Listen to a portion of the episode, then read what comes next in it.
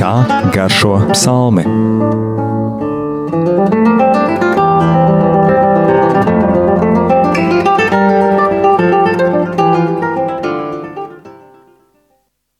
Slavēts Jēzus Kristus.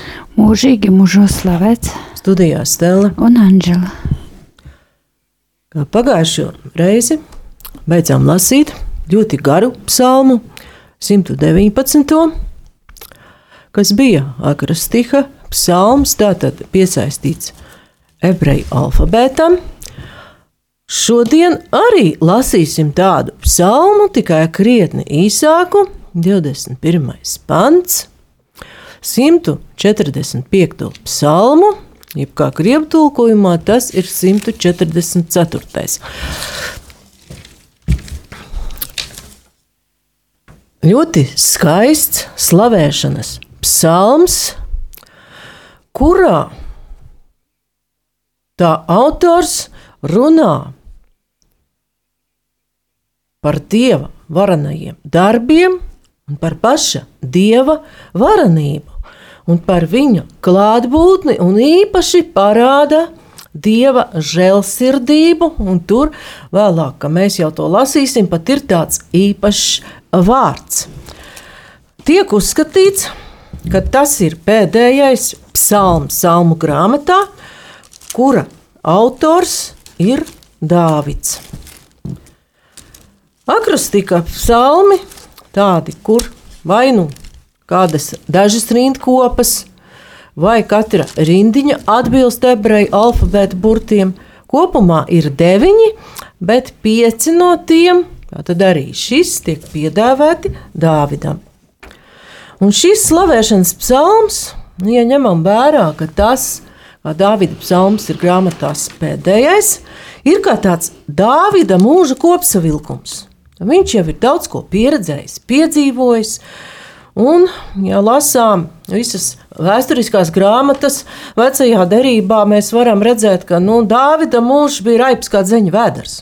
Tur bija gan lieli kāpumi, gan lieli kritumi, gan tādā varas ziņā, gan, teikt, dzīves un attieksmes ziņā, bet šeit ir šis viņa kopsavilkums, kā viņš ir nonācis pie tā, viņam atliek tikai slavēt un apbrīnot.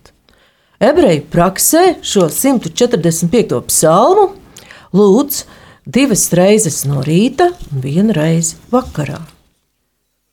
Un Talmuds slavē visus, kas to atkārto trīs reizes dienā, ka viņiem jau ir daļa pie nākotnes pasaules, jeb kā mēs varam lasīt pirmajā vēstulē korintiešiem,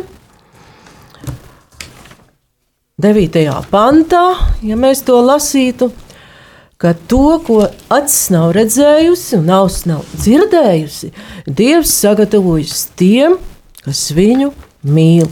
Un atklāsmes grāmatā mēs varētu izlasīt par jaunu debesi un jaunu zemi.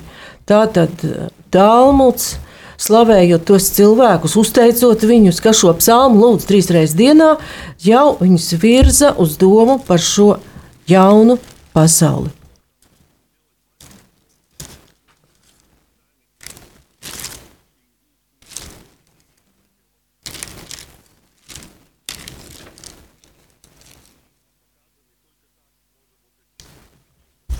Un tagad sāksim pievērsties pašam psalma tekstam. Jau pirmais līdz trešais pants sākas jau arī pieteikts, viņš ir tā kā Dāvida slavas dziesma, tātad slavas himna pēc žanra. Es tevi augšu, augsti teikšu, mans dievs, tu ķēni un slavēšu tavu vārdu mūžīgi mūžos. Ikdienas es tevi teikšu un slavēšu tavu vārdu mūžīgi mūžam. Kā tādi īsi teikumiņi, bet tajos daudz kas pateikts par to, kā, kādā veidā Dāvids slavē Dievu. Vispirms Dāvids slavē personiski. Tā kā personiskā sarunā uzrunājot Dievu, slavēšu tevi, Viņš uzsver šīs personiskās attiecības ar vārdiem: Mans Dievs. Un vēl, nu, kas tieši Izraēļa ķēniņa valsts kontekstā ir pat ļoti svarīgi. Dāvids pats ir ķēniņš, bet viņš atzīst sevi kā vasali, jeb ja padoto. Tu ķēniņ, kā jau mēs šeit redzam. Dievs, tu ķēniņ, tātad tu, Dievs, esi tas ķēniņš arī par mani. Un vēl tajā mazajā teikumā, otrā pantā, ir tāds ļoti būtisks izteikums - ikdienas. Tad nebeidzami, nepārtraukti, katru dienu. Un ko par to saka Pāvils? Viņam arī tāds izteikums, varbūt jau ir skaidrs, no kurienes. Ko viņš tur teica par to lūkšanu? Var neatcerēties, kur tas ir. Es tūlīt atradīšu, kur. Viņš kaut ko par tādu lietu runā. Pirmajā vēstulē Thessaloniķiešiem, 5. nodaļa, 17, 18. Jā, Pāvils aicina, lūdziet, bez mitēšanās Dievu. Par visu esiet pateicīgi, jo tāda ir Dieva griba Kristu Jēzu attiecībā uz jums. Nu jā, un tad turpinājumā varētu pateikt, ka un teikšu tavu vārdu mūžīgi mūžām. Ja? Šeit arī mēs varam lasīt no atklāsmes grāmatas. Ja? Jo.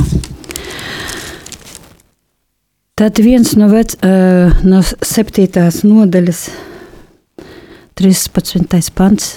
Tad viens no vecajiem sacīja, šie baltos tērpos, kas tad viņi ir un no kurienes nākuši? Es teicu, mans kungs, tu zini. Un tad viņš sacīja, šie ir tie, kas nāk no lielām bēdām un ir mazgājuši savas drēbes un tās balinājuši ir asinīs, tādēļ tie ir Dieva troņa priekšā un kalpo viņam dienu un nakti viņa templī, un tas, kas sēž tronī, izplatīs telti par viņiem, un viņi nec izsalks, nes slāps vairs, nes saule, nec svelmains karstums viņus dedzinās, jo jērs, kas ir troņa vidū, ganīs viņus. Un aizvedīs viņus uz dzīvu ūdeņu avotiem, un Dievs noslaucīs visas asaras no viņu acīm. Tas ir eshatoloģiskais jau tāds slavējums, uz ko mēs ejam, un ko mēs jau iesākam šeit, slavēt Dievu. Un ar to slavēšanu katrā cilvēkā ienāk liels prieks un dzīvība, ja mēs bijām nomiruši. Paldies!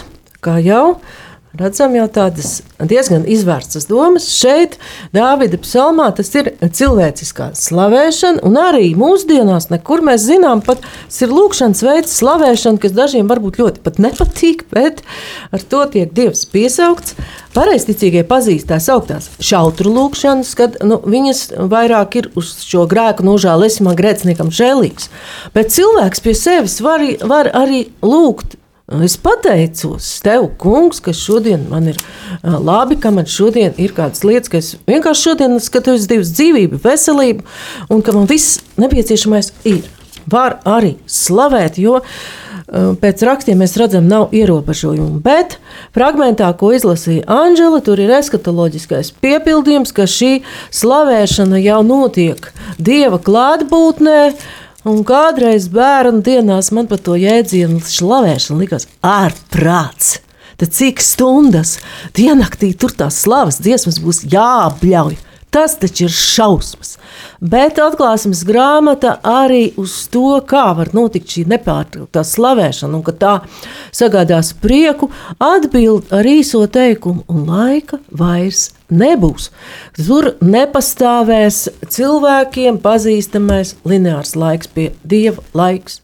nepastāv. Viņam viss notiek uzreiz, viss ir notikumi. E, Mūsu dzīves vēstures ir viņa priekšā, kā tāda brīva lasām grāmata. Kā vēlreiz mēs pievēršamies šiem vārdiem, tu ķēniņ. Liekas, nu kas tur ir? Viens ķēniņš pateica lielākam ķēniņam, tu ķēniņ. Iz, no izrēliešu ķēniņa mutes tas ir ļoti nozīmīgi. Kaut Dāvids pats ir karalis, Dievs ir viņa karalis, un ar šo izteikumu viņš atzīst arī šo dieva pārākumu, ka Dievs ir viņa suverēns, tas ir viņa senjors, ja mēs lietotu viduslaiku terminoloģiju. Un varam atcerēties Daniela grāmatas 2. nodaļu 21. pantu, ka Dievs, tas ir ķēniņš pāri visam, ir tas, kas ieceļ un atceļ valdniekus. Arī apustulis Pāvils Romiešiem 13.1 atgādina cilvēkiem, un aicina būt paklausīgiem varām, ka tās ir no dieva ieceltas. Kaut gan viņš tur arī atgādina, ka šīm varām ir jābūt cilvēku labā. Līdzīgas lietas arī atgādina ar attiecībām ar laicīgo varu. 1. pētera vēstule 2, 13, 14. Un kā Dievs darbojas, ka Viņš tiešām ieceļ un atceļ, mēs varam atcerēties, ja mēs izlasīsim 1. samuēļa 15, 23, 16, 12, 13, ka Sauls tiek atmests un Dāvids tiek svaidīts pa ķēniņu. Tātad viņš savā dzīvē ļoti tieši pieredzēja to, kā Dievs atceļ valdnieku un kā Dievs ieceļ valdnieku. Tātad, ja viņš rakstīs šo psalmu jau mūža novakarē, viņš atceras šo dieva darbu savā dzīvē. Un, ja mēs tur izlasām 15, 23, 1 samuēļa, ka pravietis Samuēls saka Saulam ļoti bargus vārdus, bet nepaklausība ir kā buršanas grēks, un stūrgalvība ir līdzīga elku kalpošanai un dievekļu turēšanai mājās. Tādēļ, ka tu esi atmetis tā kunga vārdu, viņš ir atmetis arī tevi. Tu vairs nevari būt ķēniņš. Tātad atcelts valdnieks, kungs ir atcēlis caur pravietu Samuēlu šo valdnieku no viņa vietas. Un 16. nodaļā, 1. samēlē, 12, 13. mēs lasām, tad viņš nosūtīja un lika to atvest. Tas bija ar tiem vaigiem, skaistām acīm labu izskatu. Un tur ir runa par nākamo ķēniņu, Dāvidu. Tas kungs sacīja: Celies, svaidi to, jo tas ir viņš.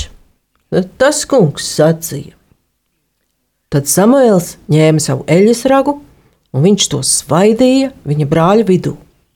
Un sākot no šīs dienas, tā kunga gars nāca ar spēku par Dāvidu un palika arī turpmāk viņā. Tā tad, kad Dievs kādu ieceļ valdnieku pildīt kādu uzdevumu, viņš dod arī savu garu, lai šis cilvēks varētu šos pienākumus veikt.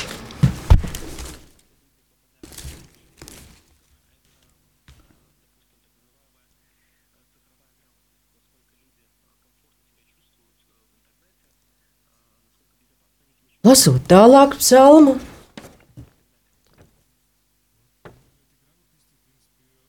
mēs redzam vēl daudzas interesantas lietas. Un arī vēl atceroties šos iepriekšējos vārdus.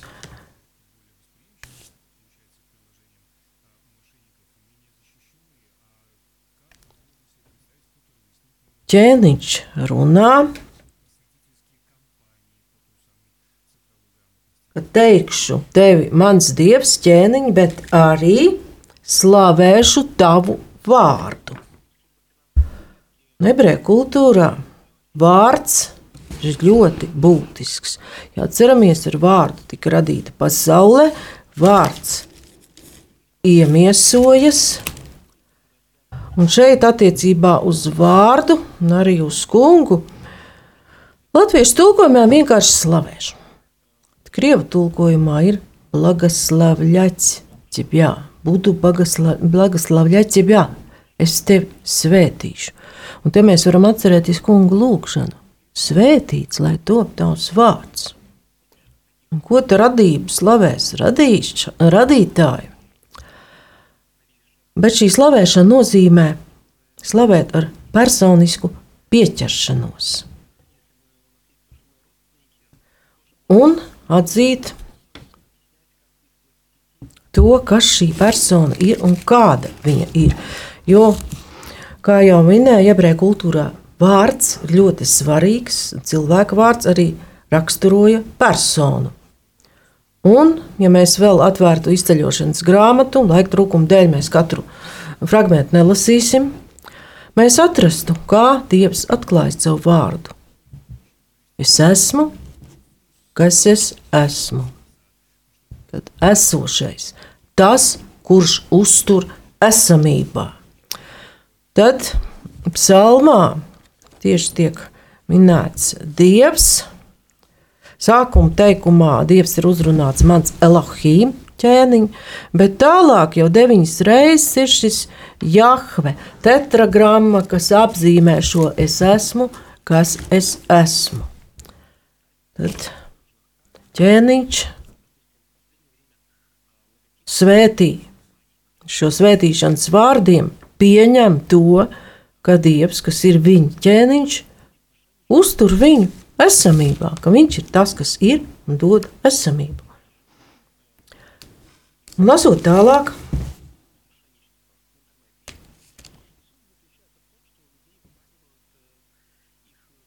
piektais, sastais pants liecina par tādiem diviem veidiem, kad kā Dāvids runās par kunga darbiem. Es teikšu, un sestā pantā jau lasām, ļaudis runās par taviem lieliskajiem darbiem, un es sludināšu tavu varenību.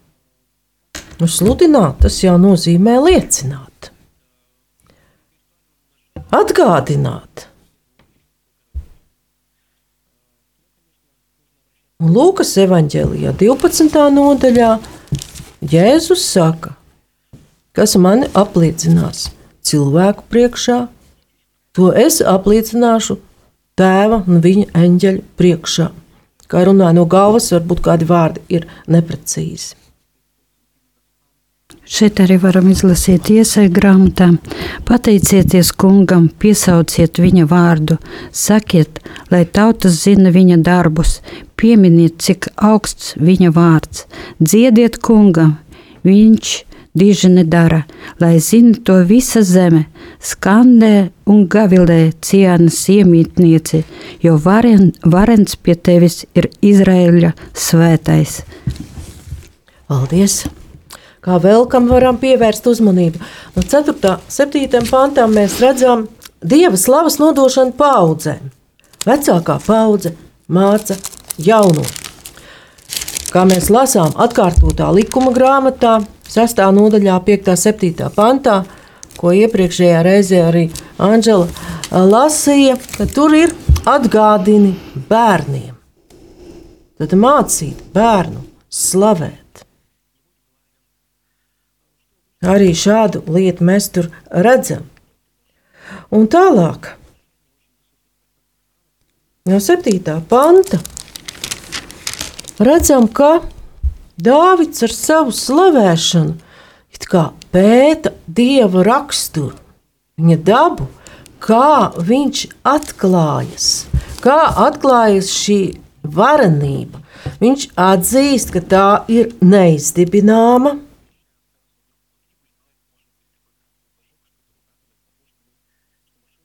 Jo viņš ir radītājs, kungs ir radītājs. Un Dāvids un arī mēs visi esam tikai radības.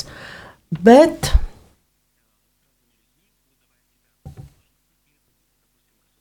ko viņš izceļ? Kas nostājas, var teikt, pat psalma centrā? Dieva lēnprātība, lēnība.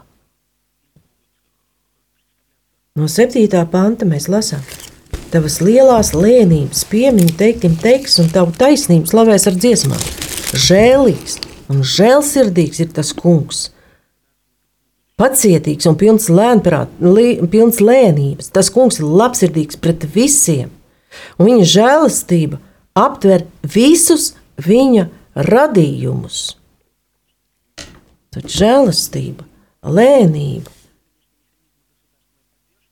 Un visu laiku arī psalmam aužas cauri tas, ka es teikšu, slavēšu, ka tas ir gribas akts, ka ķēniņš Dāvids pats grib slavēt. Un šī lēnprātība, mēs to kaut kur pa to lasām arī jaunajā derībā. Mateja evaņģēlijas 11, 29. Tur jau mēs to redzam ļoti tieši. Vārds ir iemiesojies, lielais godības ķēniņš ir iztukšojis sevi un nonācis pie cilvēkiem, kā mēs varētu lasīt Pāvila vēstulē Filipiešiem, ko teoloģiski sauc par kenons. Un pieņēmis cilvēku veidu, ko tad viņš cilvēkiem māca. 11, 29. Mateja evaņģēlijā. Ceru, ka būs pareizi.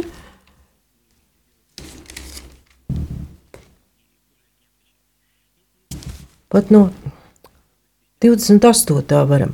Nāciet šurp pie manis visi, kas esat bēdīgi un grūtsirdīgi. Es jūs gribu atvieglināt. Ņemiet uz sevi manu jūgu, mācieties no manis, jo es esmu lēnprātīgs un no sirds pazemīgs, tad jūs atradīsiet atvieglojumu savām dvēselēm, jo mans jūgs ir patīkams un mana nasta viegla. Kā šeit jaunā derība jau ļoti tieši atklāja dieva lēnprātību.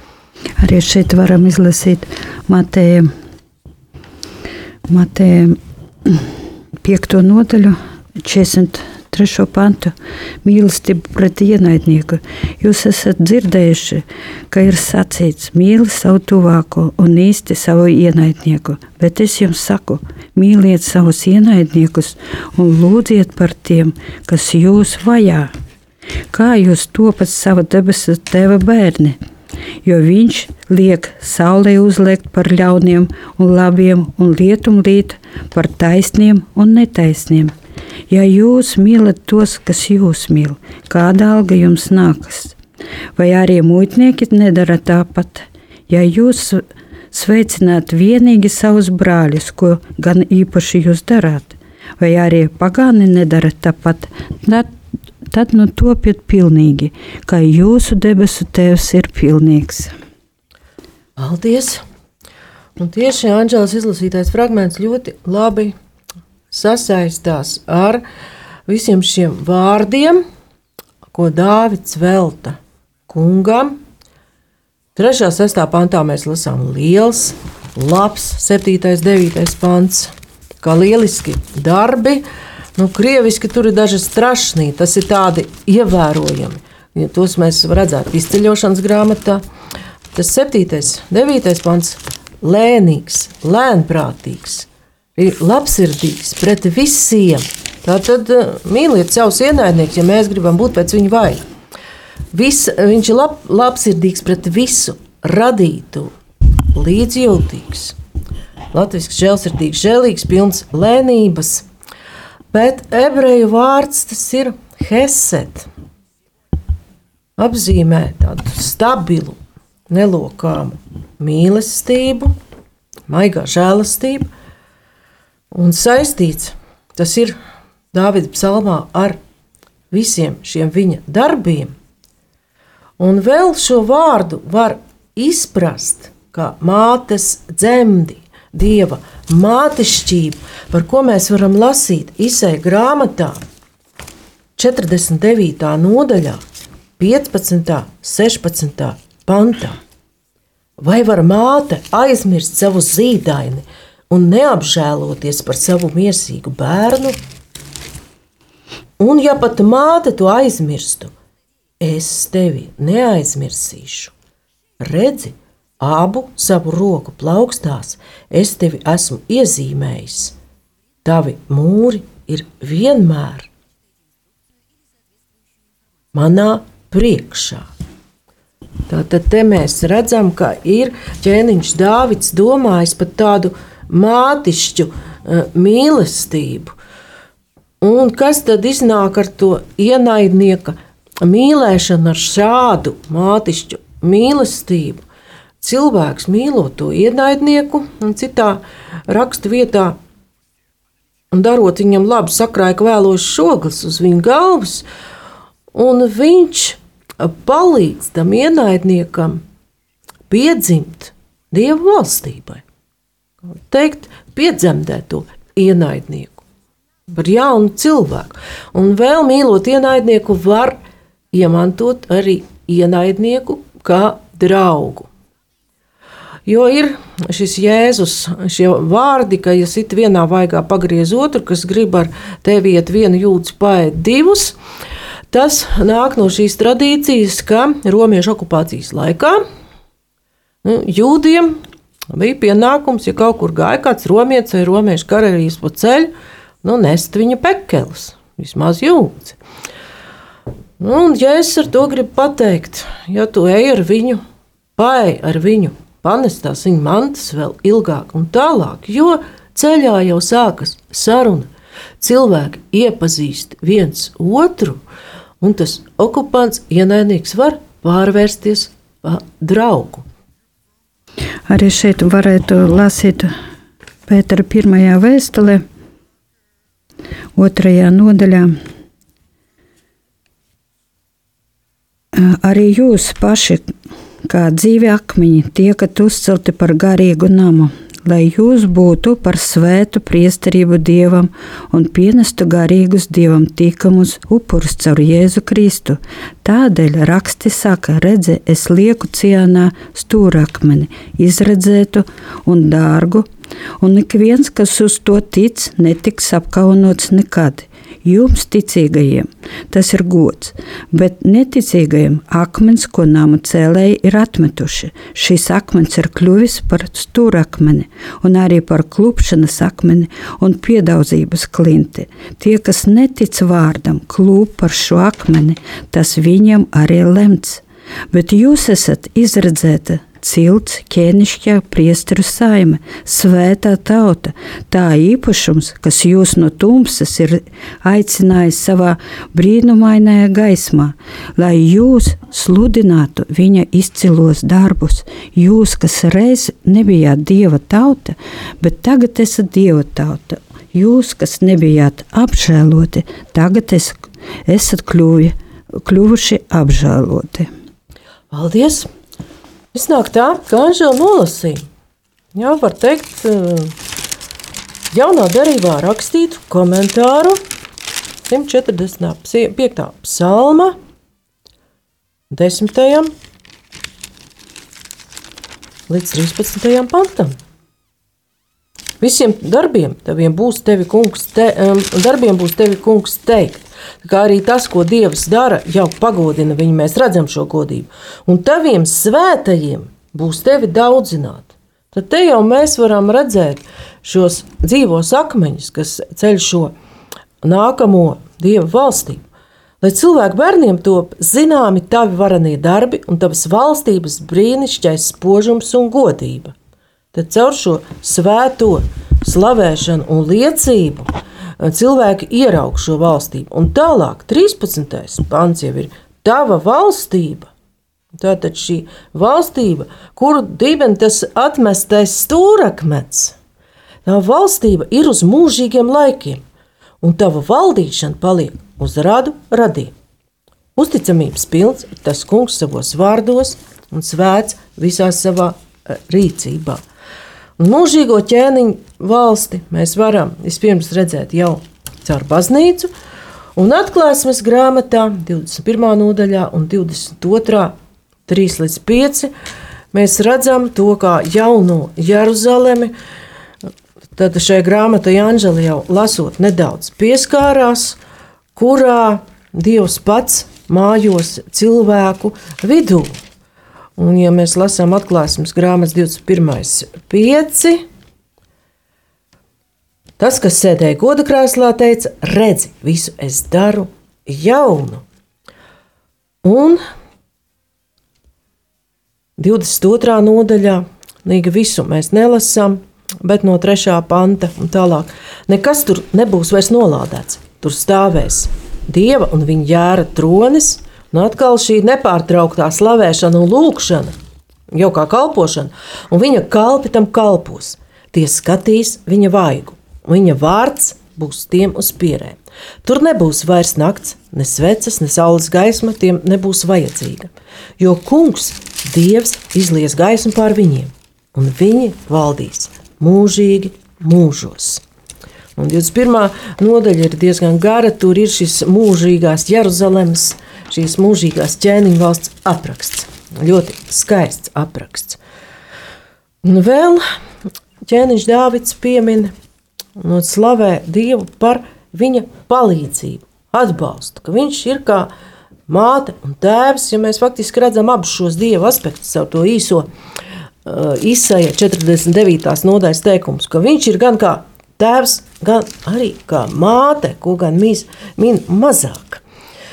Bet ķēniņš Dāvids atzīst, ka kungs ir tais, taisnīgs, uzticams, svēts, atbalsta visiem, kas krīt un padara atkal taisnus visu nomāktos stāvus. Visas acis gaida uz tevi, tu viņiem dod viņu barību savā laikā. Tu atver savu roku un paēdini visus, kas dzīvo ar labu prātu. Par barību laikā un šo īpašo dievu palīdzību mēs varam atcerēties izceļošanu.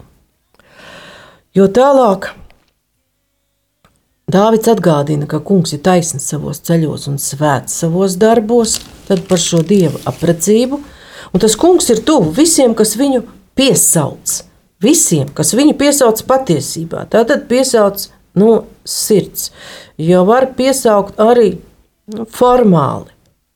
Kā Jēzus saka, farizējiem jūs esat kā nobaltēti kapi. Viņš izpilda, ko vēlas tie, kas viņu bīstas, dzird viņu brēkšanu un palīdz viņiem. Un šis teksts saistās ar izceļošanas grāmatas notikumiem eģiptiešu jūgs bija smags, un kungs dzirdēja apspiesto saukšanu. Bija tiem tuvu. Viņš izveda no verdzības, un, ja mēs atceramies, kā viss notika, kaut arī īsu fragment, kā kungs deva barību īstajā laikā.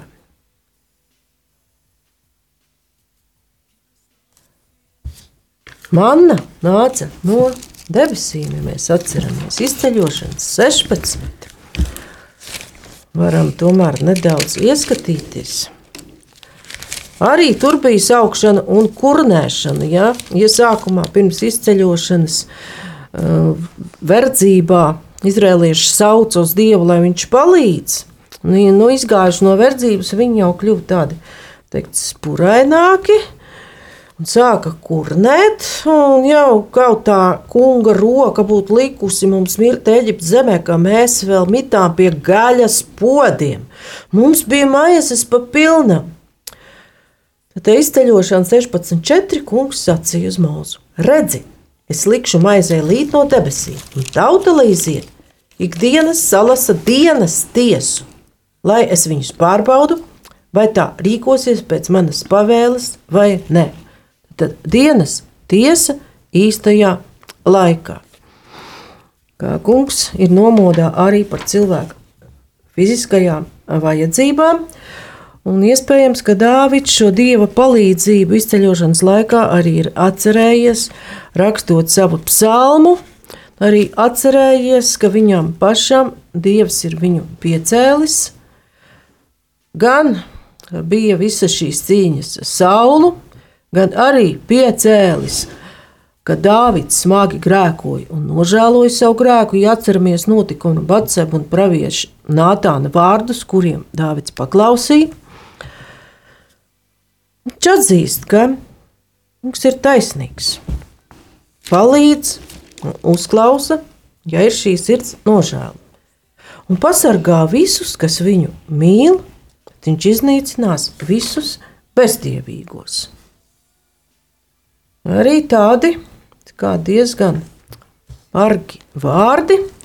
Varam atcerēties Pāvila vārdus, ka tiem, kas dievu mīl, viss nāk pa labu, bet mazliet varam atkāpties arī līdz pat tai atklāsmes grāmatai, jo tur Kristus uzrunā tās septiņas mazāzijas draudzes. Un dažām no nu, vienai īpaši ir it kā situācija mūsu acīm skatoties, nu, galīgi nekā. Tā ir smirnas draudzene, un kungs saka, otrā nodaļa atklāsmes grāmatā. Es zinu tavus grūtumus un nabadzību, bet tu esi bagāts. Un ko tevi zaimo tie, kas saucas par jūdiem, nav tādi. Tie ir sātana sinagoga. Nebīsties, par to, kas tev būs jācieš. Redzi, vēlams metīs cietumā kādus no jums, lai jūs tiktu pārbaudīti. Jums būs bēdas desmit dienas. Esi uzticīgs līdz nāvei, tad es tev došu dzīvības vainagu. Tad šajā tekstā Dievs varbūt ne ļoti tieši, bet mēs saprotam, apsola savu klātbūtni. Bet, ja mēs lasītu par draudzēm, kuras nu, īsti teikt, ne, bija atkritušas no tās mīlestības, tur dažkārt atkārtojas šie vārdi, un es nostumšu tās lukturi no tā vietas. Nu, vēl varat tu izlasīt visu? Pagaidām, jā, mēs mm -hmm. tuvojamies beigām. Un tad uh, efeziešiem vēstulē varam uh, iz, uh, otrajā nodaļā lasīt, bet Dieva žēlastība ir bagātīga savas uh, lielās mīlestības dēļ, ar ko viņš mūs mīlēja. Viņš līdz ar Kristu atdzīvināja arī mūs, kas bijām miruši savos pārkāpumos. Žēlastībā jūs esat izglābti. Viņš mūs līdz ar Kristu ir augšām cēlis un līdz ar viņu sēdinājis debesīs Kristu Jēzu, lai savā labvēlībā pret mums Dievs mums parādītu nākamajos laikmetos savas žēlastības neizmērējamo bagātību, kas ir Kristu Jēzu. Paldies! Tad šeit ir šāds jaunās derības teksts par žēlastību. Un noslēdz Dāvids savu psalmu tā: Mana mute paudīs tā kunga slavu, un visa miesa, lai teic viņa svēto vārdu mūžīgi mūžam. Atkal ir šis norādījums uz mūžīgu slavēšanu. Mēs slavējam to kungu tagad, varam teikt, slavējam šeit, tagad un mūžīgi, kas jau būs viņa valstībā. Un šeit, ko mēs lasām? Visa miesa. Vienā nozīmē mēs varam saprast to tā, ka visa radība, kura kustās, kuru kungs ir radījis, vispirms jau cilvēks, kas ir radīts pēc dieva līdzības, tad lai viņš slavē. Bet Pāvils 1. vēstulē korintiešiem 6, 19, 20 to izvērš vēl dziļāk. Tad 6, 19, 20 mēs varam lasīt. Ja vai jūs nezināt, ka jūsu miesa ir svētā gara mājoklis, ka ir jūsos, un ko jūs esat saņēmuši no dieva, un ka jūs nepiedarat sev pašiem, jo jūs esat dārgi atpirkti, tad nu pagodiniet Dievu ar savu miesu. Tad Pāvils vēl padziļina šo ķēniņa Dāvida izteikumu 145. psalmā.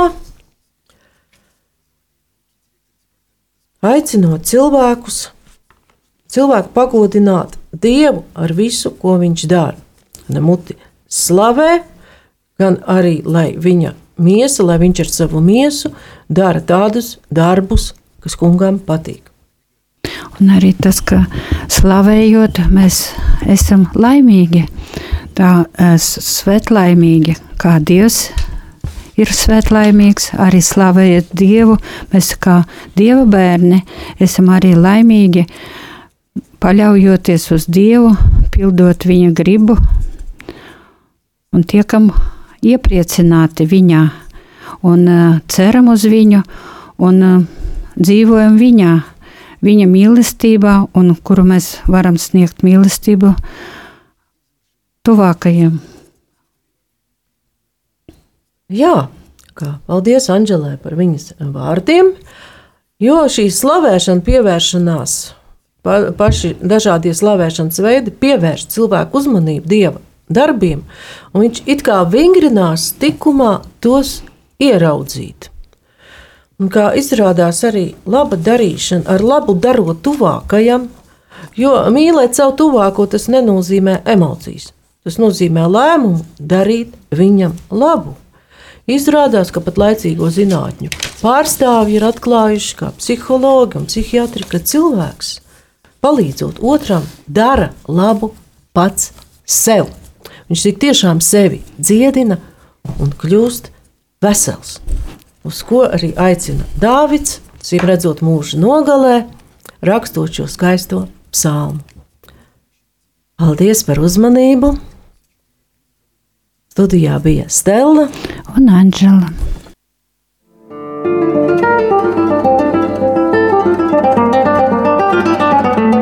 Kā garšo psalmi?